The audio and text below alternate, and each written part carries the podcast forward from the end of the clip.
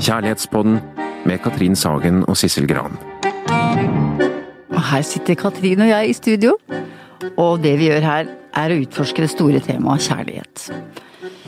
Hva er kjærlighetens bestanddeler? Når blir noe kjærlighet? Hvordan varer kjærlighet? Hvorfor knuses den, og hva kan man gjøre for å få den til å vare? Og en rekke andre spørsmål. Vi skal egentlig by på alt du trenger å vite om kjærlighet. Ja, det skal vi. Men først skal vi høre litt reklame. Kjærlighetspodden er laget i samarbeid med møteplassen.no. Hele Norges datingside. Dagens episode er en fortsettelse fra sist, og da snakket vi om det å være utro, og gangen før snakket vi om å bli bedratt. Og utroskap er jo et vondt tema, et tema vi ikke kan ta lett på, og derfor så holder vi på med en serie på da flere episoder om dette. Og i dag skal vi snakke om hvorvidt det er mulig for et parforhold å overleve utroskap. For mange par de fortsetter jo sammen, også etter sånne hendelser. Og kan utroskapen sår heles, og hvordan? Ja, men først kanskje helt kort, um, altså um, så må vi si at det er mange som har vært, eller uh, er utro, som vil ut av forholdet. Ja. Uh, for dem så er det ingen vei tilbake, de vil ikke reparere forholdet til partneren, rett og slett. Og mange som har vært utsatt for utroskap, vil, uh, vil heller ikke det. De vil ikke ha tilbake partneren sin etter å ha blitt bedratt og ført bak lyset av den personen. De vil ikke leve sammen med han eller henne lenger, men uansett om de blir forlatt eller selv velger å gå, så vil jo mange som har vært utsatt for utroskap føle seg, sånn som mange sier, utradert, altså ødelagt, skamfert av, av det de opplever som partnerens svik.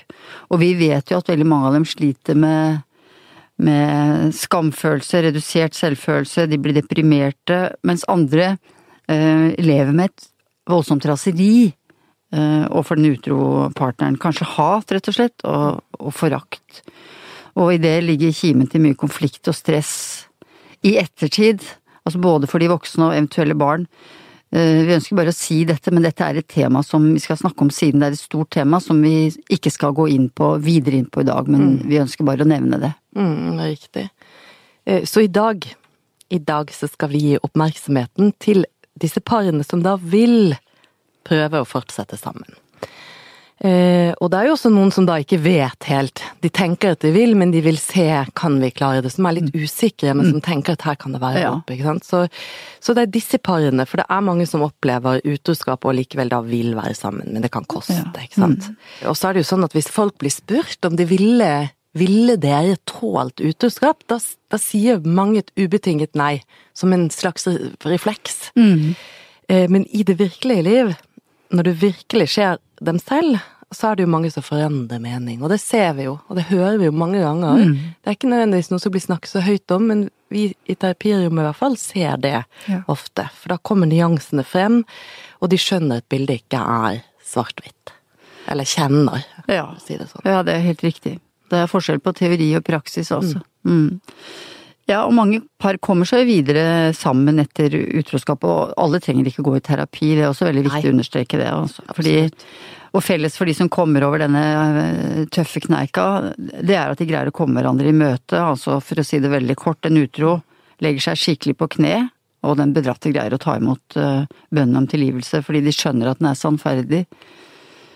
Eh, Men allikevel så ser vi jo at den bedratte kan rase og gråte lenge, men dersom den utro greier å stå i det over tid og gi all mulig støtte og ta ansvar for det som skjedde, så ser vi at mange par greier eh, etterpå å betrakte hendelsen som en skikkelig wake-up call, altså. Eh, Mange får det rett og slett bedre etterpå, altså de får et skal vi si, et modnere og noen ganger et, et forhold med større tyngde.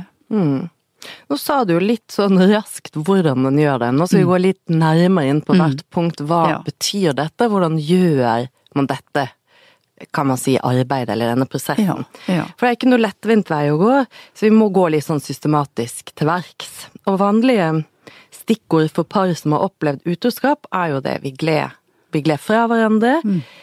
Ja, I forkant, altså. I forkant Ja, av utroskapen. Jeg var utro eller sheinet ut, jeg ble avslørt, jeg innrømmet eh, gjerne bit for bit, jeg var redd for å miste min kone eller mann. Eh, han eller hun som var blitt bedratt, ville ha alle detaljer, jeg ville bare glemme det. Løgnen ble oppfattet som verst, tilliten var smuldret bort. Men innimellom så har vi det bedre enn noensinne. Jeg angrer, jeg angrer, jeg vil gjøre alt for å redde ekteskapet. Ja. Ja.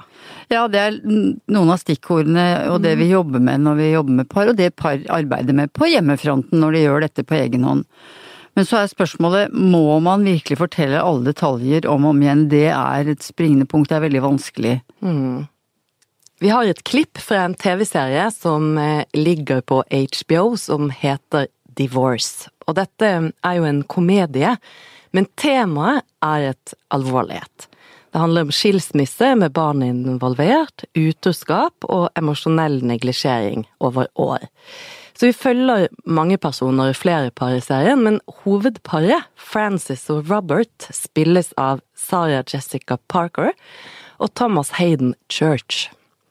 Så aller først bare bitte litt om dette paret før vi skal høre. Frances er sliten og lei av Robert. Hun syns han er uengasjert, usexy, utdatert, og har nok følt seg tatt for gitt over mange år. Så i første episode så forteller hun Robert at hun vil skilles. Og seerne får vite at hun har vært utro, og at hun også ønsker å fortsette et liv sammen med den litt eh, eksentriske elskeren. Men han viser seg å ha helt andre planer, for han har mange elskerinner, og får helt panikk da hun forteller at hun har gått for mannen sin. Så her så får jo da Frances en slags motivasjon til å prøve å reparere ekteskapet sitt. Og scenen vi skal høre, er fra parets første parterapitime. Robert har fått vite om affæren hun har hatt, han har også ringt elskeren og skjelt han ut, men han vet ennå ikke så mye om hva dette forholdet egentlig har vært. For de klarer ikke å snakke bra sammen, og de har nå tenkt å prøve å gjøre det i terapirommet. Og stemmene vi hører, er nesten utelukkende Robert og Frances. Terapeuten er veldig passiv. Vi hører bare et mm-mm fra henne. Eh, Men helt på slutten av klippet så henvender Robert seg til terapeuten. I think the real issue here is trust. Isn't that why we're here? Yes. And you you can trust me. How? How can I trust you? Well, I I want to find a way to get to a place where you can find the means to trust me again. Okay. So what would it take for us to get to that place? I don't know. Time machine? It's not helpful. It's not helpful. If I'm ever going to be able to trust her again, mm-hmm. I think I need to know every single detail about her affair with this fucking French douchebag. How would that possibly be helpful? Because I don't want to think that I know the truth and then five years down the line unearth a fresh mudslide that buries me in shit all over again. I want every detail right now. Okay, well, uh first of all, he's not French. Oh, come on. Seriously, I, I, did you forget I talked to him on the telephone? Huh? How'd you get this number? How'd you get this number? Okay. Okay, are we gonna start this off with lies? Is that what we're doing? You know what? I'm just I, I'm gonna I'm gonna let that go because you know in the big scheme it just it just does. So, what do you want to ask me questions, or do you want me to just, you know, paint a word picture? How many times? How many times what? You know what I'm talking about. How many times did you have intercourse with his French penis? Oh, um. Gosh. Um. um, Around mm, 30, 32. What the fuck? 32? I just. I, Yeah, you had sex 32 times? just I don't I just don't see how this is helpful. I mean, I had a number in my head, okay? And I can fucking guarantee it wasn't 32. Well, uh, it was a lot smaller than 32. Well, what was the number in your head? It was two. Jesus Christ, come on. 32 This was times. spread out over a long period, and there was a whole section in the middle where where nothing was happening at all because I knew what I was doing was wrong.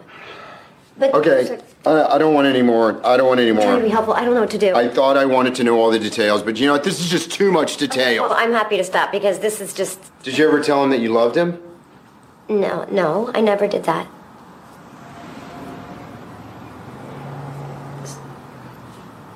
So, what would be most helpful now to I know you're not here for value judgments, but from a clinical standpoint, I mean, a, a pure sort of medical profile of the moment, doesn't it sound like they did a shitload of fucking? Doesn't it? I mean, it sounds like a shitload of fucking to me.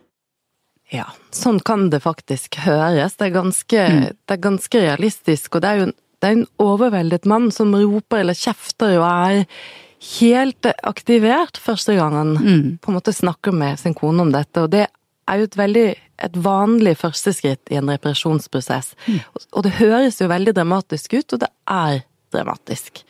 Og det er ikke uvanlig at en bedratt eh, nettopp vil vite alt, men samtidig, når det kommer på bordet, så blir det for mye, og så angrer man voldsomt og kan forsvare seg med å skrike og holde seg for ørene, som denne mannen gjør. Hvis vi hadde kunnet se klippet, så hadde vi sett det, hvordan han holder seg for ørene. og det er for mye, det er for mye. Og stemningen, eller alt i rommet, blir helt elektrisk, og terapeuten har jo da sin fulle hyre med å prøve å holde begge partene i denne fasen. Men den terapeuten vi hører i dette tilfellet, er jo da veldig passiv, og vi er nok mer på ballen når disse reaksjonene kommer, for vi vet at de kommer, vi vet hvor skremmende dette her er for begge parter. Ja. Det er jo, altså det han, det han gjør, det er jo det samme som vi ser at mange sårede parter, altså bedratte parter gjør. Altså at de må skaffe seg oversikt over partnerens hemmelige liv. Eh, og så setter mange inn støtet, rett og slett, for å uh, drive ut inntrengeren, eller tredjeparten, fra hver krik og krok i partnerens kropp og sjel. Og derfor denne litt tilsynelatende irrasjonelle eksorsismen, som vi kaller det. Altså eh, utdrivelsen. Altså derfor denne detaljfikseringen. Hvor var dere? Hva gjorde dere? Hva sa du? Hadde dere analsex? Er hun bedre i senga enn meg? Hvor ofte så dere hverandre? Da jeg var på reise? Traff du henne da? Og så videre. Sånne ting som eh, Det er nesten ingen detaljer som er for små. Uh, og det kommer ofte krav om flere detaljer etter hvert som dagene går. Altså. Og det å rippe opp i alt det er pinefullt for den som har vært uh, utro, uh, men det handler jo om en sånn slags frenetisk gjenerobring, rett og slett, fra den bedratte side, ikke sant? Ja, og det er jo dette med den parallelle verdenen som den utøver og levde i, som den bedratte ikke har visst om, og må på en måte ta igjen denne tiden og sette sammen puslespillet for å forstå verden sånn som den egentlig har vært. Eh, lage et nytt eh, fotoalbum på en måte, samtidig som man ikke vil ha de bildene Nei. der. Det er en voldsom prosess. Ja, og det er jo også Ja, for man kan ha vært på Man kan ha trodd at, man, at alt var bra. Absolutt. Man kan kanskje ha vært et hyggelig sted, vært på en ferie sammen, og så drar ja. partneren rett hjem og har eh, sex med en annen, og så har man ikke visst Ja. det, eller at man var på Den gangen vi Ja. var på båten og Ja. du gikk ut, hva Ja, gjorde du da? Ringte du han eller henne da? Var det det du egentlig ja. gjorde? Og så videre. Så det er, det er mye Dette er en voldsom, men også viktig fase. Vi skal komme litt tilbake til hvordan vi er i denne. Men det, det vi kan Voldsomheten i denne fasen kan vi jo forklare noe ved at tilknytningssystemet utfordres. Ja. Eh, For ingenting er trygt lenger, ikke sant? Og da får jo mange panikk. Eh, Men vi vil jo understreke at ikke alle bedratte vil vite alt. Det er ikke sånn. Det er litt forskjellig. Noen trenger bare en dyp og sann forsikring om at dette ikke skal skje igjen. ja, det er helt riktig. Så det er ikke Alle vil ikke drive med eksorsisme. Men er tilgivelse mulig, og hva er det egentlig å tilgi? Det, altså, hvordan gjør man det? Hvordan tilgir man man en annen person? Og hvordan ber man om å bli tilgitt? Er det nok å si 'jeg angrer, kan du tilgi meg'? Dette må vi snakke litt om, Katrin. Mm, ja, for dette her er jo ikke noe, noe så veldig enkelt. Det er mye som skal til før tilgivelse er mulig. Um, og vi har vel ikke møtt et eneste par hvor den sårede part har vært i stand til å tilgi ordentlig uten at den andre har gitt sitt bidrag i form av en oppriktig beklagelse, med innlevelse, men også ofret noe såkalte soningsofre, som vi kaller det. Mm. Skal se, forklare litt hva vi mener med Ja. disse tingene. Ja, det må vi. Ehm, det er nok en del som har blitt litt provosert fra For i forrige episode så snakket vi om um, den utro. Vi viste mye forståelse for den utros beveggrunner for å være utro.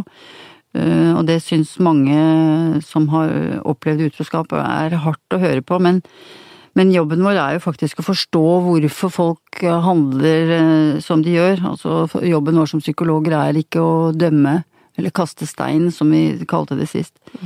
Um, men det vi skal snakke om nå, det, det tror vi vel at vi roer ned mange bedratte, fordi her gir vi mye ansvar tilbake til den som har vært utro.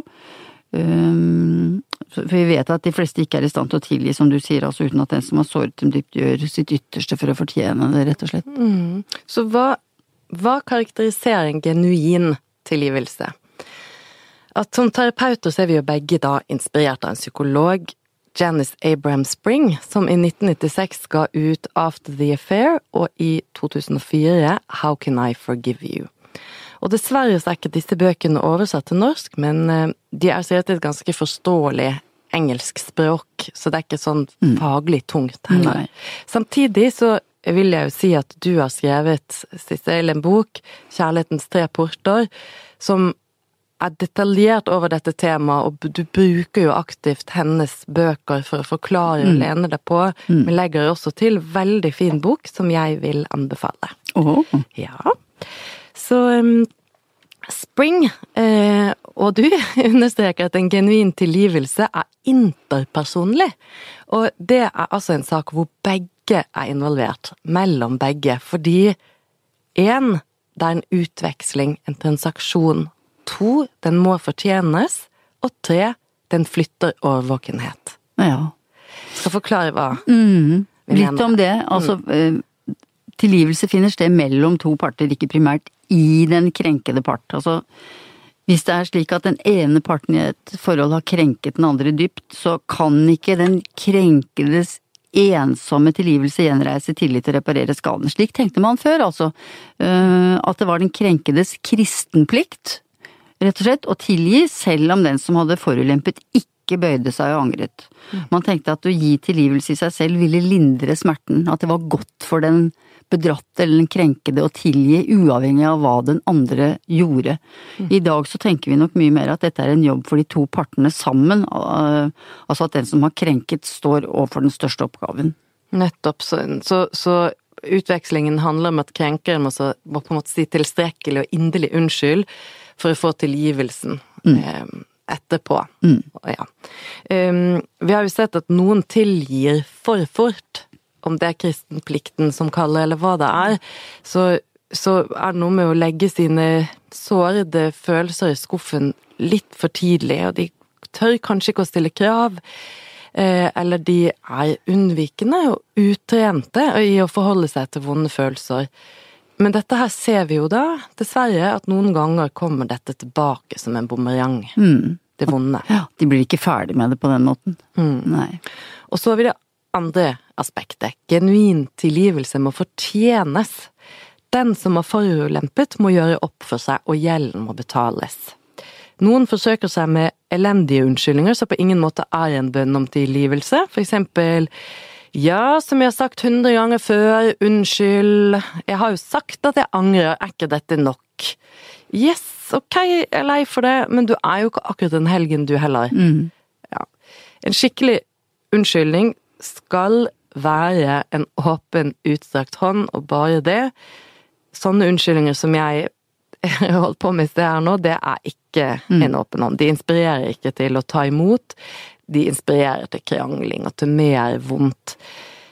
Og det er ligger i tilgivelsen. Altså forutsetning for tilgivelse er jo det å bli tatt imot, ikke sant? Å be om tilgivelse handler om å komme med et rent budskap og en personlig innrømmelse. Ikke en unnskyldning som er innsauset i bebreidelser.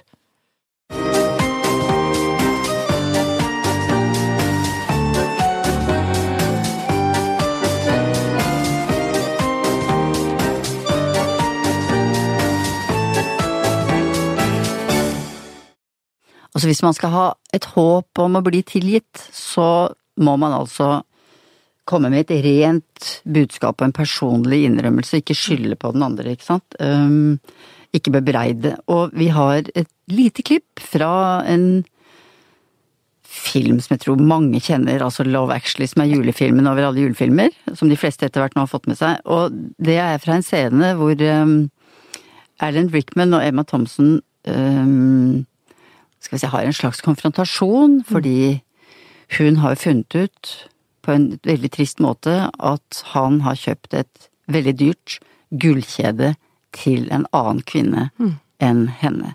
Og det vi jo som uh, tilskuere har sett, er at han er på vei inn i et utroskapsforhold til sin vakre sekretær. Og det er hun som har fått uh, det kjedet. Uh, og i denne scenen som vi skal høre på nå, så konfronterer konen, altså Emma Thompson, ham med det hun har eh, oppdaget. Tell me, if you were in my position, what would you do? Position is that? Imagine your husband bought a gold necklace and come Christmas gave it to somebody else. Karen. I mean, would you wait around to find Good out if night. it... No, no, no, no. Happy Christmas. Would you wait around to find out if it's just a necklace or if it's sex and a necklace or if, worst of all, it's a necklace and love? Would you stay, knowing life would always be a little bit worse? Or would you cut and run? God.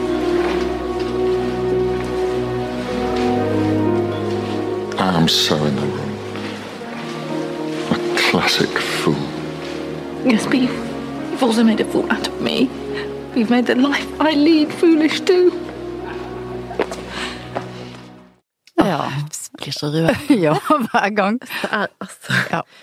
Det er en vond scene, men han, gjør, han gjør noe helt riktig. Eh, Hun sier eh, 'hva ville du gjort hvis du var i min situasjon', og du oppdaget at eh, mannen din hadde gitt et gullkjede til en annen kvinne på julaften.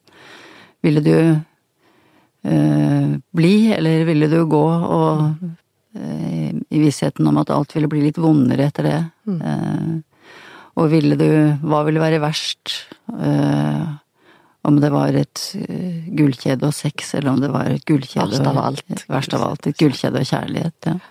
Så I stedet for å gjøre det han kunne gjort, han kunne jo sagt hva er det du snakker om, og eh, har du vært og rota i mine lommer, og hva er dette, og sånn, og gått i forsvar, så sier han, eh, innrømmer han med en gang at han har gjort noe fryktelig galt, og at han har vært eh, a classic fool, som han sier, at han har vært en, eh, en kronidiot. Og så sier jo hun, da klarer ikke hun å være eh, tilgivende i den situasjonen selvfølgelig, og sier at eh, du har, gjort, du, har, du har gjort meg til, en, eh, til et tåpelig menneske også, du har eh, skjemmet ut livet mitt. Og så løper hun bort for å hente barna sine, som har vært eh, på scenen i en sånn juleforestilling. Men det han gjør, er jo, det er jo proppert det han gjør, altså fordi han prøver ikke å stikke unna uh, unna Han åpner, åpner for, eh, i dette arbeidet vi har snakket Ja. om, å legge til rette for en tilgivelsesprosess. Men altså, dette er jo ikke gjort med denne innrømmelsen, men han, han De starter på en prosess, og mot slutten av filmen ser vi jo at de har fått det til. Ja.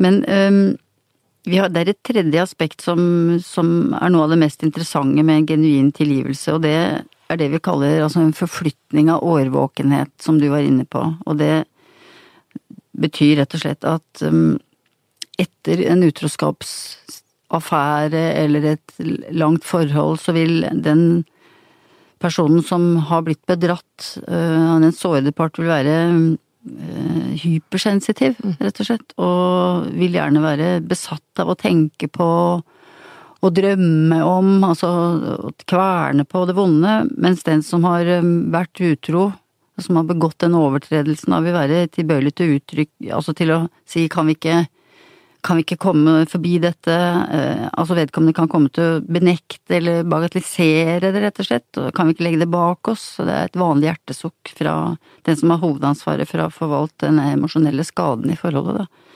Det kan man selvsagt ikke, så lenge problemet ikke frontes av, av den som har vært utro, og her er uh, Janice Abraham Spring klinkende klar, og det er, for, det er vi også, fordi hun sier at hvis du vil at partneren din skal komme videre, må du vie hans eller hennes smerte oppmerksomhet, for hvis du ikke gjør det, altså den utro, hvis en utro ikke gjør det, så kan du være helt sikker på at din partner vil minne deg på det i tide og utide. Ja, det er det som er så vanskelig for mange. Og, og, en mann han spurte meg fortvilet hvor lenge må jeg sone da? Og han hadde vært utro, og det var en episode for nesten ti år siden, og ektefellen var fortsatt helt avvisende, full av forakt, og brukte enhver anledning til å minne ham på hvilket krek han var. Hun ville ikke tilgi, men hun ville da heller ikke skilles. Så det kan godt hende at hun var ja, jeg tilgir deg aldri-sorten, for de finnes jo mm. også. Eh, så uansett hva partneren gjør, så monner det aldri. Men jeg sjekket med den mannen jeg faktisk hadde gjort, og han hadde innrømmet sin synd for konen. Men deretter så hadde han tydeligvis gjort alt for å tie episoden i hjel. Så på mitt spørsmål om han noensinne hadde tatt initiativ til å snakke om det som hadde skjedd selv, da var svaret nei. For han trodde at det var best å aldri nevne dette vonde mer, Eh, og han var ikke interessert i å bli hengt ut hjemme og krype for henne, som mm. han sa var utelukket. Mm. Eh, men å leve sammen med henne, det ville han. Ja, det er sørgelig å tenke at det å be om tilgivelse, eller mange ganger å eh, vise at du har forstått hvordan du har såret den andre, at det er å krype. Det er det jo ikke. Så det kan jo hende at det paret der lever sammen i fryseboksen, da. Mm. For hvis du ikke greier å, å, gjøre det som må til, altså demonstrere ansvaret ditt for overtredelsen, vise interesse for partnerens følelser, gjøre sitt ytterste for å reparere skaden, så går det ikke over. Mm. Det vet vi. Mm. Og den kvinnen der var sikkert så skuffet at hun frøs til is, da. Mm. Uh, fordi han aldri tok initiativet til å gjenopprette den emosjonelle kontakten med henne på en ordentlig måte. Hadde han forsøkt, så ville hun kunnet overlate rollen som den årvåkne til han, for det er det dette handler om. Han ville vært nødt til å vise henne hvor mye det betydde for han å vinne henne tilbake. Mm. Uh, altså, ser du at jeg bryr meg? Uh, han ville vært opptatt av å sjekke ut at hun faktisk la merke til alle hans anstrengelser, og sånn, på den måten så kunne hun kanskje vært i stand til å dempe denne konstante, veldig rastløse patruljeringen som mange bedratte holder på med, altså som, som er husker han på meg, er han der for meg nå, og så videre. Mm. For det er det som er øh, å, altså å flytte årvåkenhet, vi flytter det altså over fra den bedratte til den som har vært utro, som skal passe på den andre og passe mm. på forholdet. Nettopp. Så sånn kan vi si at kjærlighet handler jo om selvovervinnelse. Mm. Eh, for den som har vært utro, må, selv om alt stritter imot inni, lene seg frem og si du, nå syns jeg du ble litt stille, tenker du på det der eh, som skjedde nå? Eller ja. skal vi slå av den filmen?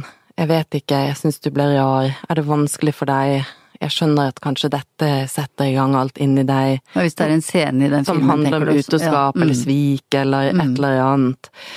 Eh, det er superviktig. Man må være fremoverlent og nettopp ta dette initiativet, og ikke være redd. Ikke være redd for at hvis jeg nå har vært ute og tenker at hvis jeg nevner det nå, så begynner hun å tenke på det, eller han å tenke ja. på det, da blir det mye verre. Sånn er det ikke. Nei, fordi vedkommende tenker på det uansett. uansett og hvis vedkommende ikke tenker på det, eh, og den som har vært ute og tar det opp, så vil man føle seg sett. Vil føle at 'å ja, så deilig du tar vare på meg og lurer på om jeg tenker på det. Tusen takk. Ikke sant? Fordi at når man er fremoverlent og tar initiativ, eh, så er det motsatt av hva mange tror. Det er å skape en følelse av lettelse og takknemlighet i den sårede part. For det betyr jeg ser din smerte, jeg bryr meg, jeg passer på deg, jeg har ikke forlatt deg, jeg har ikke glemt, jeg vil ikke gjøre dette igjen, jeg angrer på alt det har skadet oss. Ja, det er korrekt. Altså, det å lene seg frem, det er jo da å overføre årvåkenheten, altså oppmerksomheten, fra den sårede part til den utro.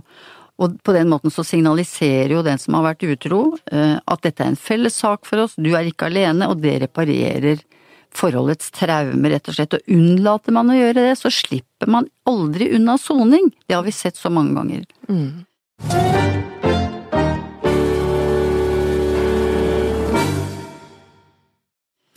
Ok, skal vi prøve å bli veldig konkrete? Nå kommer fem punkter for hva som karakteriserer en god og solid unnskyldning.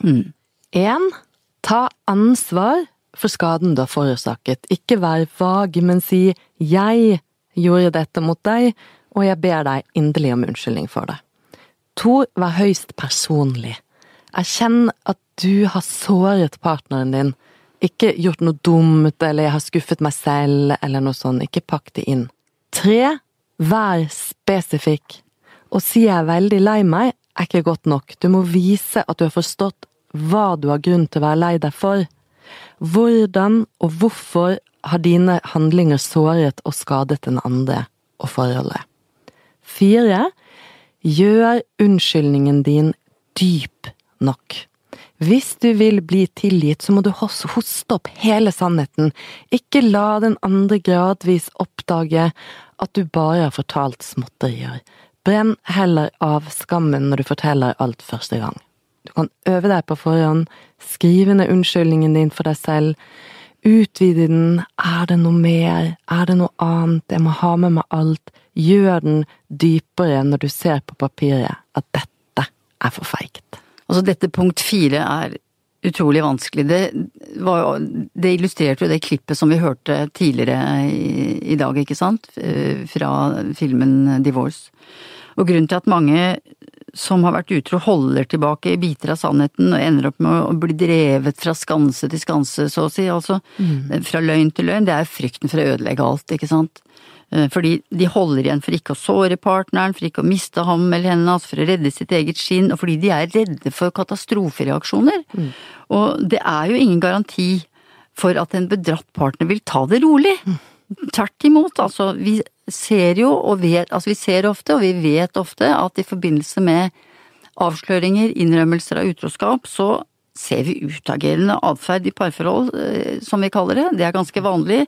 Med- Det kan bli skriking, voldsom kjefting, det kan bli kloring og lugging og kasting av ting, det kan bli slag og spark, og det kan bli selvskading. Det er, og dette er skremmende atferd som skyldes frykt og utraderingsangst og forlatthetsangst og ekstre, også at man føler seg ekstremt krenket og så videre. Så det, ehm, det vi jo gjør noen ganger når vi jobber med denne type saker, det er at vi prøver å forstå forskjellen på det vi kaller for utagerende atferd i parforhold, og forskjellen på det og det vi kaller altså kronisk og farlig mishandling. Eh, Så det vil være feil å tenke at man alltid, hvis det har forekommet lugging eller kasting av ting, eller, eh, eh, eller at man blir slått med flat hånd, og kalle det Altså å ringe krisesenter og politiet da, er ikke alltid nødvendig. Mm. For dette er ikke den type vold som repeteres. Altså dette er en panikkreaksjon.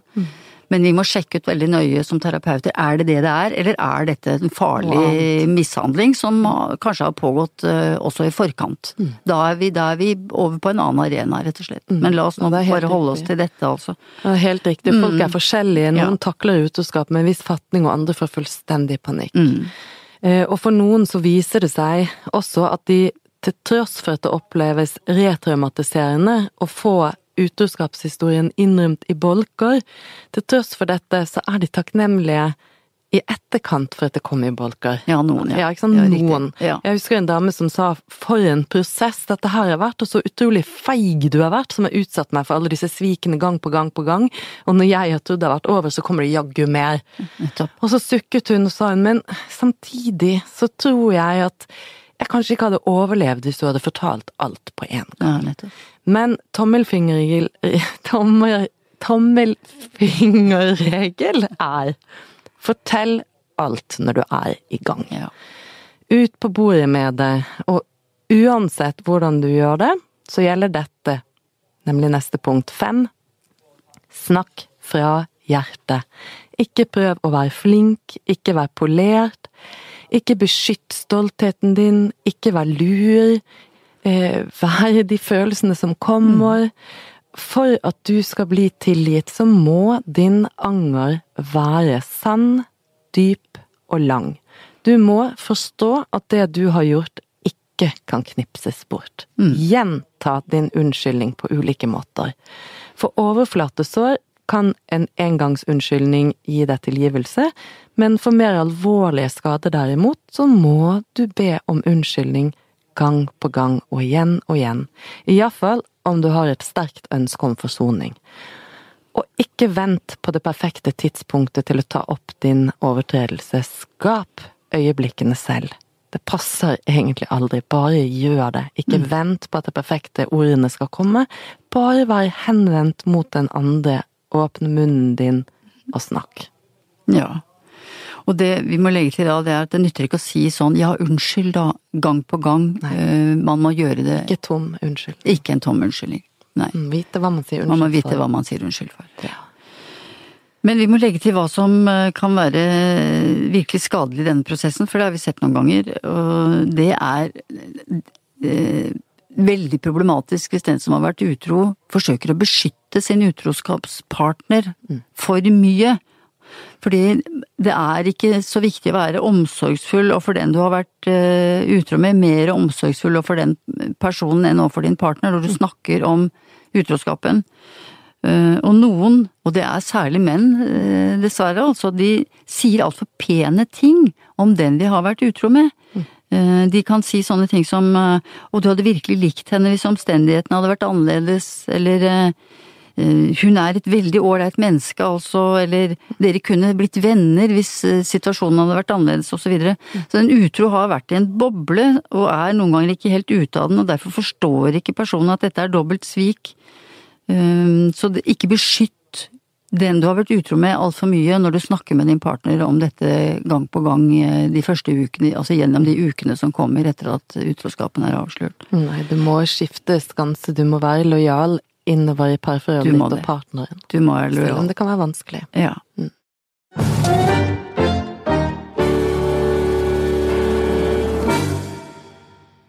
Ja, vi skal igjen bruke et eksempel fra Nina Lykkes Nei og atter nei.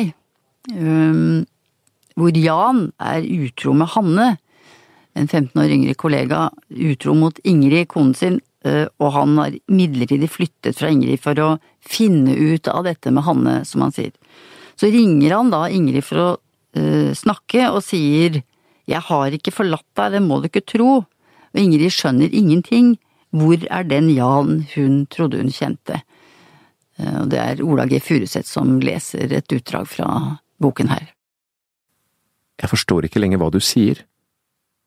Det er som om du snakker kinesisk. Hvem er du? Hva har du gjort med Jan? Hvor er Jan? Ingrid, jeg vil gjerne at du og Hanne skal møte hverandre. Jeg tror alt vil bli lettere da. Hun har veldig lyst til å treffe deg. Hvorfor det?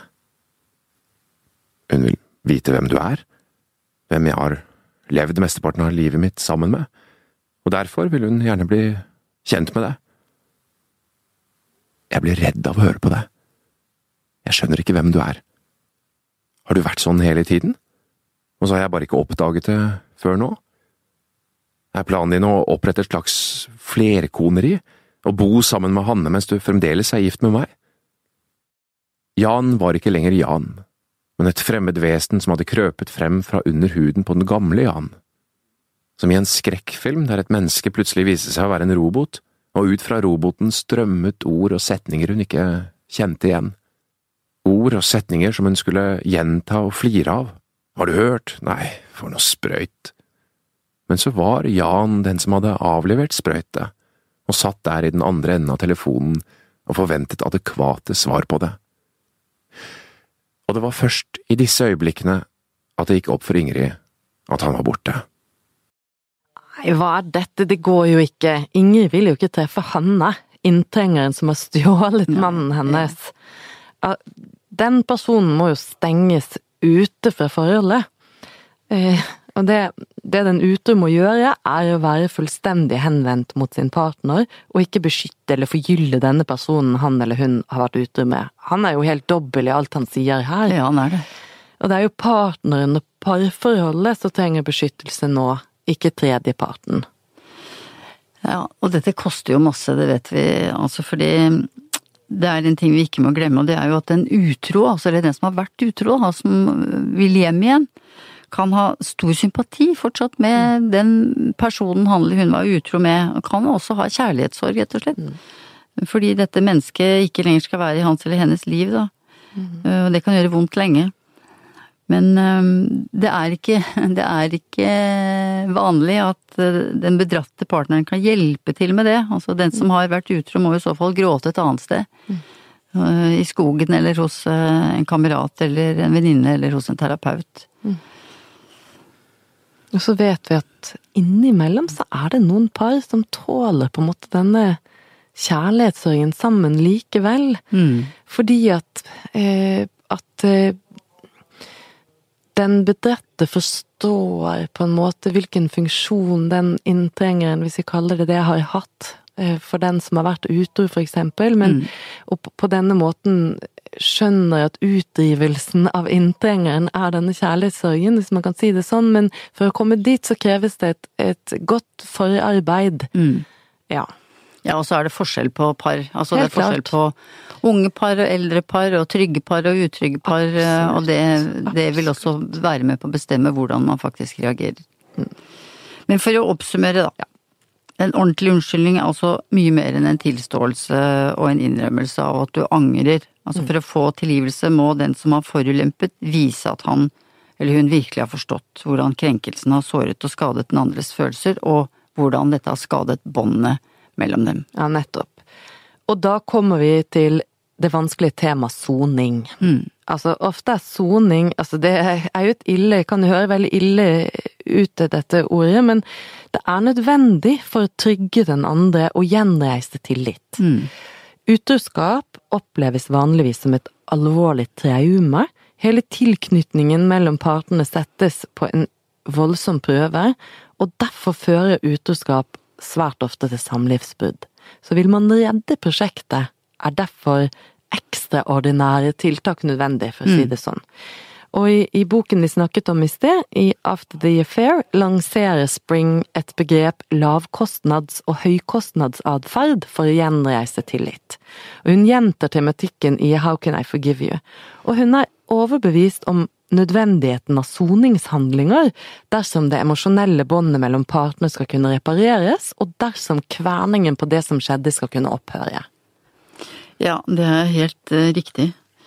Eh, og i vårt arbeid da, med utroskapshistorier så har vi sett det samme gang på gang, gang. Altså dersom den som har vært utro, nekter å komme partneren i møte gjennom å gjøre noen ofre, så er forholdet dømt til å stagnere. Ikke nødvendigvis dømt til å gå i oppløsning, men iallfall dømt til å bli stående på stedet hvil. Altså den krenkede part kan slutte å kverne åpent på sine sårede følelser, det kan bli tyst om vanskelighetene.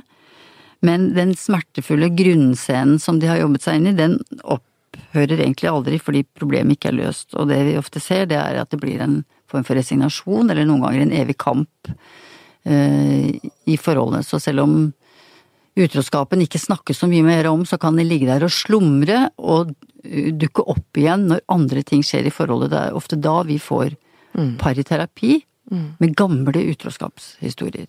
Mm, nettopp. Så, så en partner som har forulempet, og som innser at det er nødvendig å strekke seg langt og lenger enn langt for å gjenopprette tillit, bidrar til å oppløse grunnscenen, ikke sant, og dermed bringe forholdet over i en ny bane. Men hva slags ofre er det så snakk om? Og det varierer jo sterkt og avhengig av krenkelsens art og hva den sårede parten trenger for å gjenvinne troen på partneren. Så det finnes ikke noe formel her, sier Spring, men den som har såret sin partner dypt, kan bli bedt om å gjøre et betydelig offer. Not a few drops of blood, but a transfusion. Ikke sant? Ikke et par dråper blod, men en blodoverføring. Ja. Så litt eksempler, jeg. Ja, skal vi se på det. Altså sånn lavkostnadsatferd, det kan være ting du kan gjøre regelmessig. Mm. som å huske på den andre med en SMS flere ganger om dagen. Fordi hvis du er en sånn person som veldig sjelden har tatt kontakt i løpet av dagen, så må du faktisk begynne med det. Eh, og du kan måtte akseptere å ikke drikke alkohol en periode. eh, selv ikke hvis du er um, sammen med kolleger eller i en forretningsmiddag eller hva som helst. Du må kanskje akseptere å ikke være med på kickoff eller på seminaret med jobben. Mm. du må kanskje koble deg av Facebook. Uh, eller opprette en felles profil sammen med partneren din. Og selvsagt så må du kaste madrassen på hytta der du var utro. Du må kjøpe nytt sengetøy, du må hive ting som minner partneren om utroskapen din. Og hovedpoenget er jo å sjekke nøye med sin sårede partner hva han eller hun trenger. Dette er lavkostnadssoningsofre. Det som eh, Og det er mange andre typer lavkostnadssoningsofre som et par kan bli enige om at utroskaps... Eller ut, en utro må bidra med. Riktig. Og høykostnadsatferd for å gjenrette, eller gjenreise tillit, det koster mer. Og eksempler kan være å bli med til en parterapeut, eller melde seg på et weekendseminar for par. Eh, Det kan være å gjøre det slutt med utroskapspartneren sammen med ektefellen sin, samboeren sin eller kjæresten sin. Det kan være å tåle at den sårede part trenger å være for seg selv en stund. Det kan være å bytte jobb, arbeidssted, hvis en utroskapspartner fortsatt arbeider der. Det kan være å slutte i en jobb som tar all tid for forholdet. En jobb du elsker, men som har laget avstand. Det kan være å måtte flytte fra byen med partneren og familien din for å komme deg vekk fra de vonde minnene. Eh, og altså frivillig la seg spore. Være på sånn, det finnes sånne apper som viser hvor du er. Det kan være å gi fra seg alle passord til alle plattformer, sosiale medier, eh, e-post. Og fortelle om alle meldingene du får inn, kommer. Alle SMS-er som kommer inn. Hvem er det som skriver til deg? Det handler om å være gjennomsiktig Å være og tilgjengelig, Mm. åpen og tydelig for partneren, trygg. Riktig. Ja, det er en uendelig liste, men de må finne ut av det selv, altså hva som, eh, hva, hva som vil være hensiktsmessig. Hvilke soningsofre Ja. som trengs. Ja, hva trengs. Hva, og er, poenget er at det er den sårede partnerens behov som må tas hensyn til. Men så har jeg iallfall jeg ofte erfart at um, noen ganger så er det tilstrekkelig å vise vilje til endring. Um, altså det kan være nok noen ganger å kikke etter et nytt bosted sammen med partneren, eller å diskutere dette med ny jobb. Altså ikke gå i forsvar på det, men faktisk snakke det igjennom. Um, og uh, det kan være fint uh, i stedet for å møte opp begge to foran utroskapspartneren, kanskje skrive et brev, eller altså skrive noe til vedkommende sammen.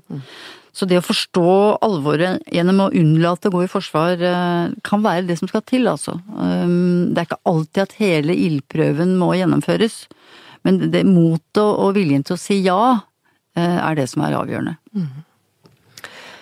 Men er det da sånn at den som er såret, ikke skal gjøre noe? Skal han eller hun bare sitte på tronen og vente på alle disse soningsofrene? Ja, det er, eh, det er et viktig spørsmål, altså, fordi det er eh, ikke sånn. for hvis eh, den som ha, eh, har blitt såret, eh, har et ønske om å bli forsont med partneren, så er altså dette et toveisprosjekt. Tilgivelse er et toveisprosjekt. Det er ikke mulig med sånn tilheling av dette svære såret uten at den sårede part på et eller annet tidspunkt bestemmer seg for å akseptere den andres initiativ. For i kald avvisning, vende døve ører til eller demonstrere forakt over tid, det, det gir ikke den andre noen mulighet til å komme gjennom. Du kan straffe på den måten, selvfølgelig, og det er forståelig at noen må gjennom den fasen der, men, men blir det en permanent løsning for den krenkede, så er også forholdet dømt. Og det er dette vi skal snakke om i neste episode. For neste episode skal handle om hva den sårede part må gjøre for å hjelpe til i parforholdets tilhelingsprosess. Takk for at du har hørt på oss i dag, og følg oss gjerne på Facebook eller Instagram, eh, og skriv en kommentar eller en mail eller eh, en melding til oss. Da blir vi glad. Eh, så høres vi neste gang. Kjærlighetspodden er laget i samarbeid med møteplassen.no. Trygg og seriøs dating på nett